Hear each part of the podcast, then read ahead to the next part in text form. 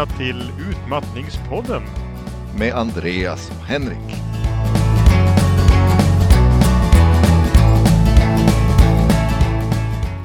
Då är vi tillbaka. Var trevligt. Utmattningspodden, Henrik. Mm. Vad ska vi prata om idag? Jag tycker att vi ska prata om det här varför man låter sig bli utmattad så att säga. För vi har ju pratat om att det finns varningstecken innan. Det kommer inte som en blixt från klar himmel. Precis. För vi har ju pratat, eh, om jag nu ska sammanfatta lite för er som inte har lyssnat igenom de första avsnitten. Att vi pratar först om vad utmattning är. För Att det är en Ja, Det är hjärnskada. en hjärnskada, precis. Ja. Och kommer du också ihåg vilka som drabbas? Alla. Alla kan drabbas. Det Vi pratar om riskgrupper, men att schablonbilderna som vi delar inte stämmer. nej, precis. Utan eh, egentligen alla människor som jobbar har jobb som innebär psykisk stress. Sen kom vi också in på att man är extra drabbad i förra avsnittet om man eh, har jobb som innebär eh, ansvar. Och när man känner sig duktig och till och med när man har mycket arbetsglädje. När man är lojal mot någonting som kräver mycket av en. Liksom. Mm. Ja, Lite svårare, det kan verka skuldbeläggande men det måste liksom sägas i de här sammanhangen. Att Mm. Det är faktiskt roligt att gå in i väggen. Precis. Och att det är, när vi pratar om lojalitet, så är det både mot uppgiften och mot sig själv eller mot Mm. kollegor. Eller, det kan vara många olika saker. Men jag känner ju att det här varför man ändå blir utmattad trots varningstecken som finns. Att man kanske till och med lyssnar på den här podden. Som att inte bli utmattad och så blir man det i alla fall. Hugo, Ja, men jag tänker att det kan hända. Flera kommer kanske bli utmattade tyvärr. Och varför liksom? Mm. Om det nu är som jag säger att det finns varningstecken. För för dig fanns det varningstecken, eller hur? Det var, Ja, Du mådde inte prima innan du var utmattad. nej. Och det där har ju hänt i, i det hände ju i omgångar. Mm. Eh, och gradvis naturligtvis, så att det är, det är lätt att tänka att det går nog över. Mm. Ehm, eh, eller att det ska vara tillfälligt. Men de, om vi ska ta några av de, de värre exemplen. Naturligtvis så var det ju trötthet och eh, svårt att ta tag i uppgifter och sådana här saker som man lätt tänker sig. Men, Det kände du då alltså innan du fick utmattning? ja, precis. Men eh, jag tolkade det ofta som att jag var lat. Ja. Eh, och så, i den mån jag uppmärksammade. Mm. Eh, så jag la det på mig själv. Så du tänkte inte att det var en yttre stressande omständighet eller ens någon som, som fanns i dig, utan du tänkte att du var lat? Ja, och knappt medvetet heller. Jag bara konstaterar att jag gör ju inte det jag tycker att jag borde. Mm. Och då måste jag ha en förklaring till det. Och den förklaringen är ju rimligen att jag sitter på händerna. Mm. Mycket lutherskt norrbottniskt av dig. Ja, precis. Eh, så, men det, är- det är ju ändå en... en, en eh, Så då drev du dig alltså till svårare stress eftersom du tänkte att du var lat och följden när man är lat, alltså det man ska göra när man är lat, för lat är en negativ sak att vara va? Det är att ta i hårdare Ja. man slutar vara lat. precis. Så trots dina symptom som var ganska svåra vad jag förstår, kan du nämna något symptom som du hade då? Mm. Något kroppsligt? liksom? Eh, jag ska... Innan vi gör det, jag ska säga det bara för en sak till om, om att vara lat. Mm. Det paradoxala i det här är ju att eh, jag känner den här upplevelsen, den här falska upplevelsen av att jag skulle vara lat, den kommer sig ju av att kroppen säger jobba mindre. Mm. Ta det lugnt nu. Det är en väldigt bra Men- poäng. Ja. Då blir ju reaktionen från mig att istället jobba mer. Mm. Det är rakt motsatt. Och då driver man ju sig själv väldigt tydligt in i de här hårdare, tuffare symptomen då som blir... Jo, men det där är ju inlärt förstås, att gå emot kroppens signaler. så. Ja. Det är ju precis vad det här avsnittet handlar om. Man går emot kroppens signaler som är ganska tydliga. Mm. För du har i det fallet programmerat in en skam i att inte gå emot kroppens signaler. Eh, Men om vi ska ta något lite hårdare Mm. fysiskt tecken på att någonting var fel, så var det att jag upplevde att jag hörde sämre. Just det. Jag hörde sämre på ena örat bara. Min fru håller med om att jag har svårt att höra vad hon säger. Så att det är uppenbart att ja, men då hör jag väl dåligt då, men jag är ju ändå 43 liksom. Så, så ja, att det är ju inte riktigt 34 direkt. det skulle ju kunna, nej eller hur, man är ju inte 40 längre. Så det skulle ju kunna vara hörseln. Mm. Och då, eh, så jag gick till en audionom, Mm. eh, gjorde ett hörseltest och Ensam.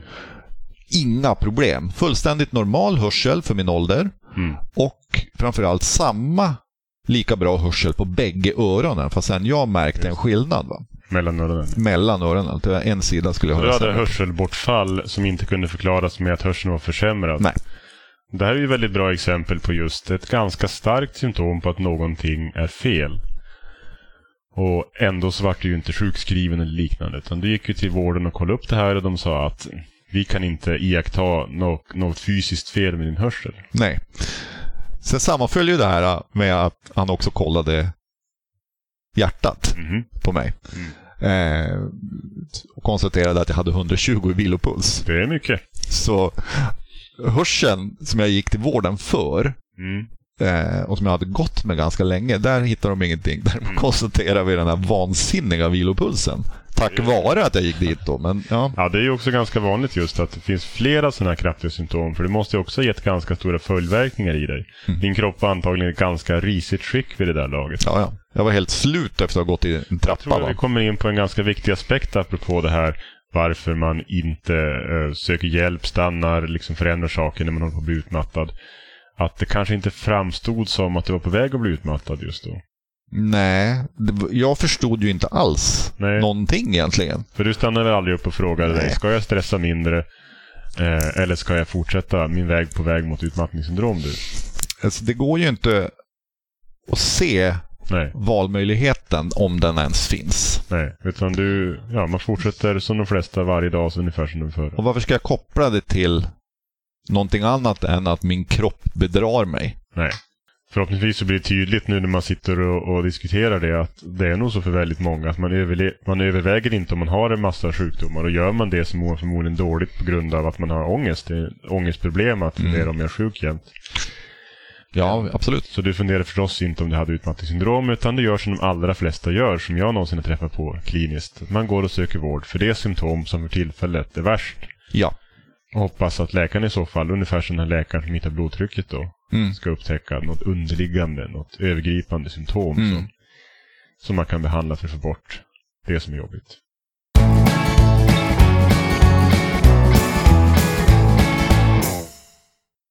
Sen kan det faktiskt finnas människor som har lyssnat på den här podden och vet att man kan bli utmattad om kroppen verkligen säger ifrån och att man ska tillåta sig att vara lat ibland och sådana saker. Mm.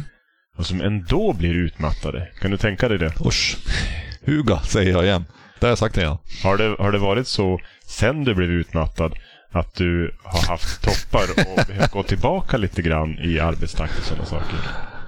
Man skulle kunna säga det. Ja, jag vet ju svaret på det här. Eftersom vi är i direktsändning här eh, så har vi förberett det här naturligtvis. Det är inte direktsändning. Eh, eh, poddad direktsändning. Men naturligtvis är det så. Jag har ju varit, eh, jag ska säga så här, eh, kort sammanfattning av min sjukdoms sjukskrivningshistorik här. Ja, väldigt kort då. Eh, så var jag, eh, har jag haft dels sköldkörtelproblematik Mm. och depression och Mm. utmattningssyndrom. Och de här har liksom gått om varandra lite grann. Så det eh, om vartannat. Så. Men, eh, så jag var sjukskriven på deltid, gick upp Mm. till heltid och firade genom att köpa bullar till jobbet. Nu är jag på 100%. Mm. En hel bulle. Precis, en hel bulle var eh, I motsats till 75%-bullen då, där vi fick slåss om Ja, den. det gjorde det faktiskt. Då, eh, men, och sen funkar inte det, så att ner på deltid igen. Mm. Och sen upp snabbt på heltid och så ner till 50%. Och nu har jag gått ner ännu mer. Så det, det går upp och ner. Och det är, ett, det är ett misstag att hålla på på det sättet. Ja, Samtidigt som man måste testa. Man måste ju få Mm. prova någonstans också. Se om det funkar. Mm. Men det är Nej, Jag väldigt... tog vi bara upp, bad dig berätta om det här för att få ett Arne-relaterat exempel på just eh, att man utmanar de här ganska svåra symptomen. Och i ditt fall så finns det ju skäl för du vill ju liksom åter och hela du och alla andra förväntar sig att du ska upp i arbetstakt igen. Ja. Det är ju ett ganska rimligt mål. Eh, men jag vill ju ändå för att få det ganska allmängiltigt här diskutera att det finns folk som vet vad utmattningssyndrom är, inte har drabbats än och liksom Mm. tar i för hårt och vet att de gör det. Mm. För om man tänker sig en person som jobbar heltid, har några små barn som ska hämtas från dagis som barn vill när de är på dagis. Och så ska det lagas mat och städas och vad det nu är. Ja. Det är en typ av situation där man tyvärr kan drabbas av utmattningssyndrom fast det är en extremt normal Mm. situation. Precis. Jag tänker att eh, en sak som händer eh, kan dyka upp där och eh, paja saken är ju om det kommer in någonting mer i ekvationen så att säga. Mm. Eh, precis, och då är vi inne på det, alltså en, en, ska vi säga, en mindre sjukskrivningsgrad. Mm. Även om du jobbar 80 procent. Mm. Eh, så vill du ju upp till 100. Va? Mm. Så att om du har den här normala situationen Mm. och du av någon anledning blir sjukskriven då, säg att det är stressrelaterat Mm. eh, för den här högre pulsen eller, eller, eller vad det kan vara. Eh, så är ju fortfarande 100% målet för alla. Det har, kommer vi att prata mer om i den här poddserien tror jag. Ja, det måste nog ha ett eget avsnitt. Eh, Men, men just den här uh, viljan att komma tillbaka till 100, att 100 är grundläget. Det är en drivkraft som också driver en att gå emot ganska svåra stress. Precis.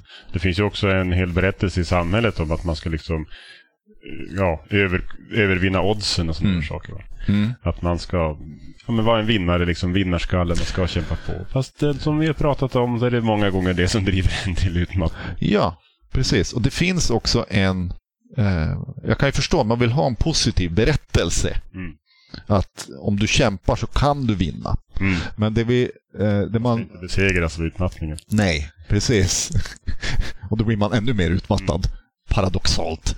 Eh, men eh, det finns ju också en alltså vinnar... Eh, eh, vad, vad kallar man det? Man kallar det för biased va? på engelska. Jäv på svenska. Eh, alltså, eh, artikeln jag såg var, var på engelska och där var det winners bias. Vilket innebär att... Bias. Vad sa du? Survivor bias. Ja, det är precis, det är samma sak. Eh, fast i det här fallet så pratar man om vinnare och exemplet var någon som hade köpt en lott Mm. och vunnit en miljon och stod... Eh, om om man föreställer sig att den här människan skulle gå på en föreläsningsserie och säga eh, Jag köpte alla lotter för alla mina pengar Mm. och jag vann aldrig. Och sen sålde jag huset och köpte lotter och jag vann aldrig. Och sen sålde jag allt jag ägde. Och då kom den här lotten och här står jag nu som bevis på att Mm. om man bara inte ger upp Mm. Ja, så kan man vinna. Och det blir, när man, jag tror att man behöver se det på det absurda sättet. Mm. Och att det är naturligtvis inte så absurt i min verklighet. Mm. Men det är, den, det är den principiella tanken fortfarande. Att, att vi, vi, vi tittar inte på de som förlorar. Vi tittar inte på de som går sönder på vägen. Det är ingen som pratar om dem. Nej, det är det som är också ett feltänk eh, när vi är inne på varför man går över sina gränser. För Mm. om man har den där sortens inställning så, så använder man liksom fel liknelse. För ibland fungerar det ju sådär att mot alla odds så Mm. X vann man på vinstlotten där. Mm. Men, men eh, förnuftet kanske säger, vilket inte väger så starkt när man fattar beslut, eh, att det inte är så rimligt att köpa lotter. Utan den där som står där och är rik, det syns mer liksom. Det Mm. slår an fler strängar i en. Jag skulle snarare säga att det här med att eh, ja, övervinna oddsen, vara en av dem som stressar svinhårt hela livet utan att bli utmattad. Mm. Det är lite som eh, att försöka köra riktigt fort eftersom bensinen håller på att ta slut. Ja, precis. För det är det, det, det, det, är. När man blir utbränd så är det ju liksom bränslet i hjärnan Mm. som tar slut. Mm. Man bränner upp sina resurser, som vi varit inne på tidigare. Det blir ingenting kvar. Och eh, att på det sättet ta i, ta i hårdare och vinna oddsen, ja. Mm. Jag brukar försöka, brukade försöka varna folk ibland som dök upp och, och var på väg. För de kunde ju precis som du söka hjälp för enstaka symptom. Hos läkarna, jobba på vårdcentral. De blev nedskickade till psykologen på grund av att de hade liksom problem med stress. Mm. Och där kan många känna liksom förolämpande. För att det är liksom riktigt om man går till läkare och går man till psykolog är man lite knäpp. Det sitter bara i huvudet. Lite så. Så folk var ofta ganska i försvar där och ville liksom... En del kunde, kunde uttrycka indirekt att de ville ha ett kvitto på att de inte var knäppa. Så de fick gå tillbaka till läkaren och få en riktig behandling. Just det. Men jag kunde ju se då att de var på väg till, till utmattning och försökte ofta köra någon slags psykologi och säga att eh, ja, nu är på väg att bli utmattad så antingen kör du på på det här sättet, ger jobbet allt liksom. Du får tre veckor till tre månader till liksom. Då ger du jobbet det sista av dig och sen så är det liksom go out with a bang och sen Ja, sjukskriven ett par år, gå tillbaka till fläta korgar sen när, ja precis. På när deltid. rehabiliteringen ser ut på deltid liksom. Men, eh, men då ger du verkligen ditt allt. Du slipper vika, du slipper backa utan du går manlig stark in i väggen. Är det män oftast? Ja, mitt högst fiktiva exempel. Så. Jag skulle inte säga att det där är könsspecifikt alls Nej. faktiskt. Eh, Så där har vi också en idé om varför man går över Ja. sina gränser. Va? Jag vill lägga till där att eh, när man pratar om det här med eh, just att gå över sin gräns och att det är svårt, det är så svårt att se själv vad man gör. Mm.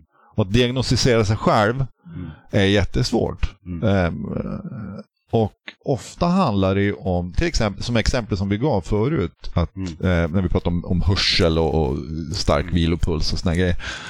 Att se det hos någon annan så skulle jag direkt säga nu är någonting fel. Just det. Men när det, råkar, när det gäller en själv Mm. däremot, då biter man ihop. Mm. Och att det, eh, det är något märkligt i det där, tycker jag. Mm. Så här i efterhand. Mm. Eh, så är det väldigt lätt att se att men problemen var tydliga. Det var jättelätt för mig, idag är det jättelätt för mig att se att det här var på gång. Eller ja, i alla fall att det fanns extrema instanser av symptom.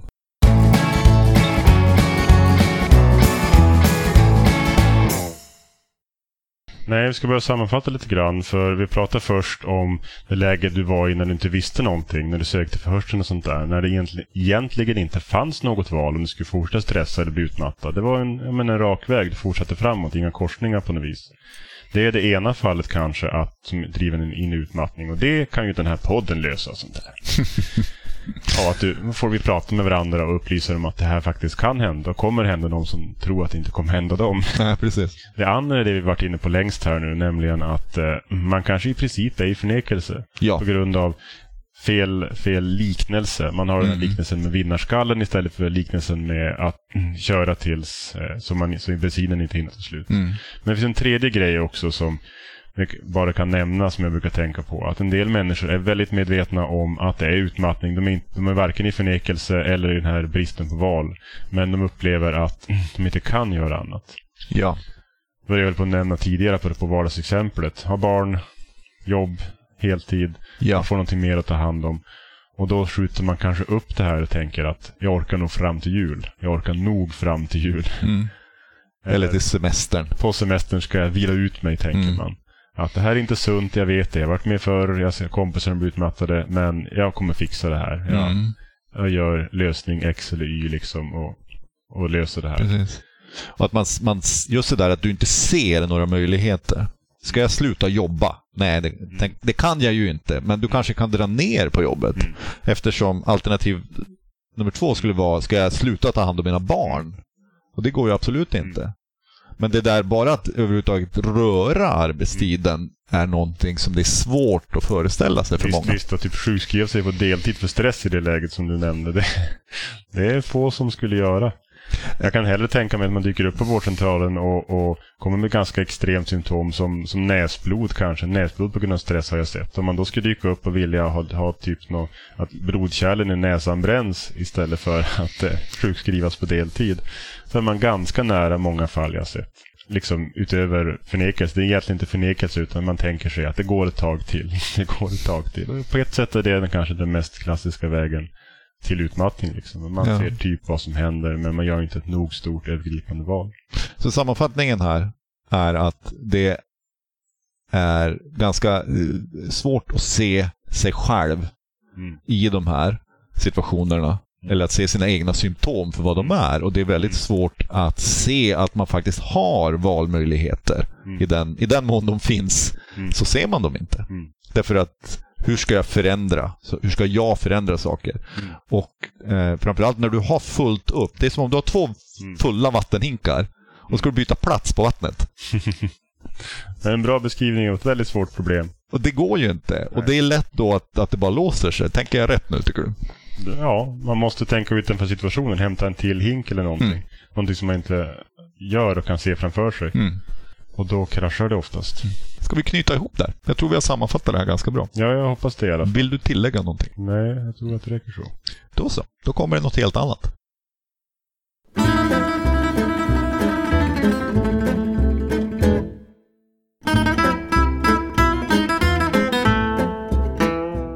Då ska vi fortsätta här med det numera klassiska psykologpub-quizet. Mm. Familjeklassiker. Precis. Har du något Ja, spännande, Henrik? en av jordens mest fantastiska drycker är trots allt kaffet. Jag håller med. Basen för all social samvaro överhuvudtaget. Mm. Det fundament varpå vårt samhälle vilar. Globalt och historiskt. Sannerligen, sannerligen. I öst liksom i väst. Exakt. Jordens tillblivelse, det var en enda stor produktionsapparat för att frambringa kaffet. Ja. Jag är ganska beroende. Jag har Det- jobbat på landstinget. Kaffe är väldigt unikt bland droger i att det har en väldigt speciell eh, blandning av hur beroende och abstinens eh, uppstår som följd av koffeinbruk. Mm. Vet du vad som är unikt apropå beroende och abstinens och koffein?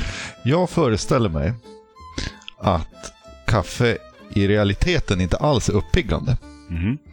Utan det är abstinensen som gör att du känner dig trött. Och att eh, den uppiggande effekten egentligen är att man går tillbaka till noll. Mm. Så att en människa som aldrig har druckit kaffe eh, kommer inte att bli piggare nödvändigtvis. Just det. Ja, jag sa inledningsvis att kaffe faktiskt är uppiggande. Och det skulle jag hävda att det är. Koffein eh, Mm. är en liksom uppiggande eh, psykogen substans då. Så så långt är det ju egentligen fel. Och det här var en ganska svår fråga så du får grilla mig med någonting eh, typ vad MacGyver heter som är sådär svårt också sen. Just det. Abstinens får man om man har druckit kaffe länge och sedan får man inte kaffe på ett tag. Man Ja. saknar kaffet, hjärnan skriker efter kaffe, bara kaffe kan stilla det just då.